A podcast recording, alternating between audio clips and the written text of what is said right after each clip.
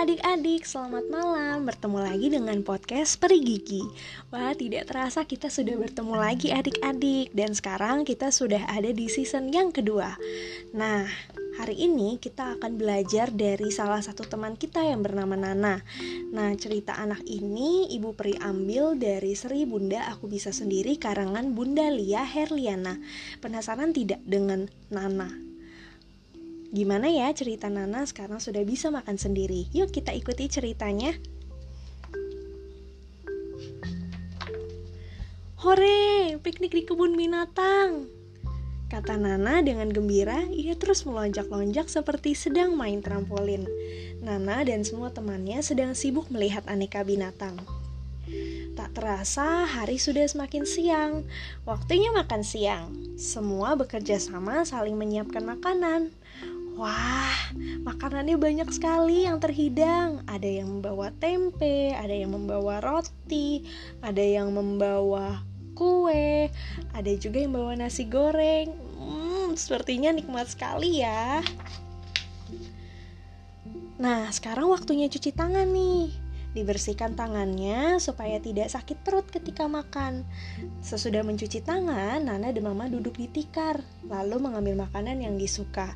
Jangan lupa ya, secukupnya saja. Kemudian, jangan makan dulu. Sebelum makan, jangan lupa berdoa. Ah, Nana membuka mulutnya lebar-lebar. Ia menunggu disuapi Mama. Tapi, tunggu. Nana melihat teman-temannya tak ada yang disuapi. Duh, Nana jadi malu. Kata Nana dalam hati. Lah, teman-temanku tidak ada yang disuapi.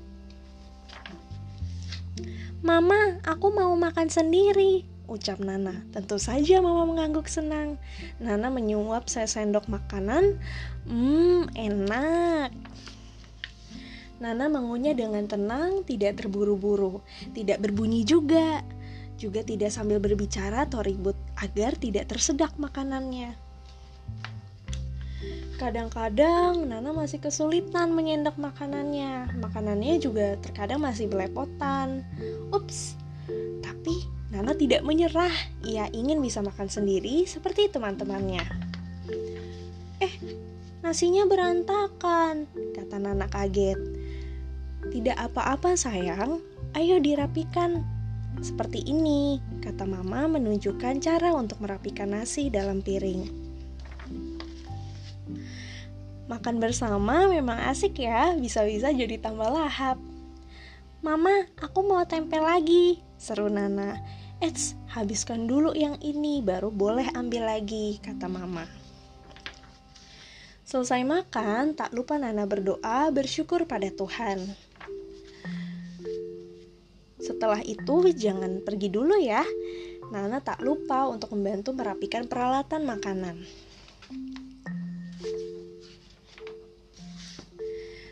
Nana hebat bisa makan sendiri, puji mama. Nana tersenyum bangga. Ternyata makan sendiri itu menyenangkan. Cerita selesai. Wah, adik-adik, bagaimana cerita hari ini? Semoga menyenangkan ya. Semoga adik-adik bisa mendapatkan sesuatu dari cerita hari ini. Um, sebelum kita masuk tentang pesan yang bisa kita ambil dari cerita ini, Ibu Pri ingin bertanya, adakah di sini adik-adik yang masih disuapi ketika makan?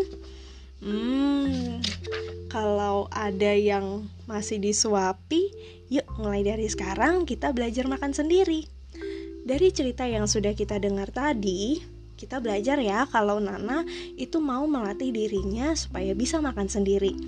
Nah, adik-adik tidak apa-apa jika ketika pertama kali mencoba makan sendiri, nasinya masih berantakan atau masih belum kuat meme memegang sendok.